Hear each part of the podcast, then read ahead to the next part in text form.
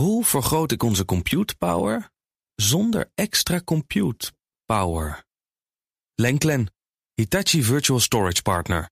Lenklen, betrokken expertise, gedreven innovaties. Tech Update. Wesley Schouweraars, goedemorgen. Goedemorgen. Ja, twee Duitse bedrijven zouden slachtoffer zijn van hackers. En dat heeft nu niets te maken met SolarWinds. Nee, we, we gaan het wel weer over hackers hebben, maar even Ja. niet over dat verhaal. Althans, eh, niet per se. Het zou gaan om twee eh, grote Duitse wapenfabrikanten... die het slachtoffer zijn van hackers... die de afgelopen maanden hebben geprobeerd om daar informatie te stelen. Eh, twee Duitse televisiezenders, BR en ARD... die zeggen dat op basis van eigen onderzoek. En het zou gaan om Rijnmetal en Renk AG.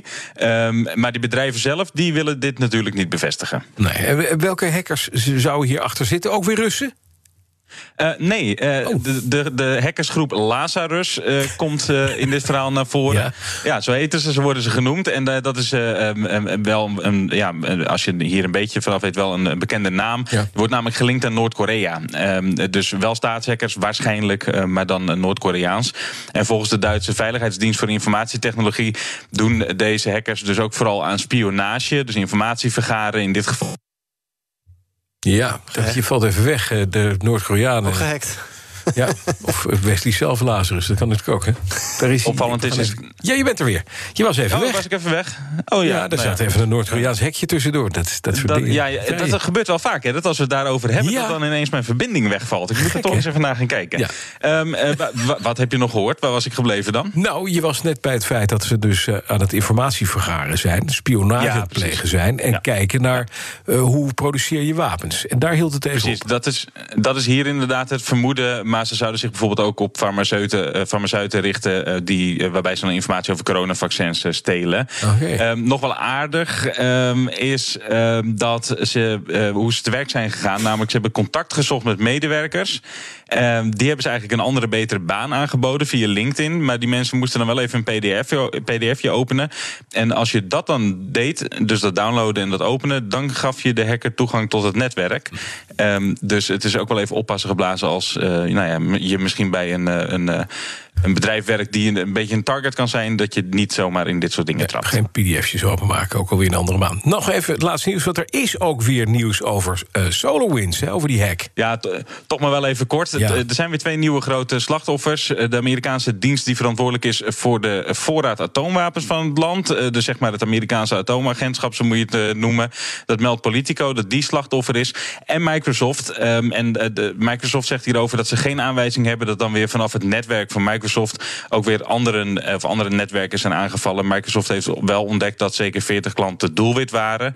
Eh, en nog wel aardig, Joe Biden binnenkort, als alles gewoon eh, volgens plan gaat, natuurlijk president van de Verenigde Staten, heeft al gezegd dat hij met harde straffen komt voor die hackers.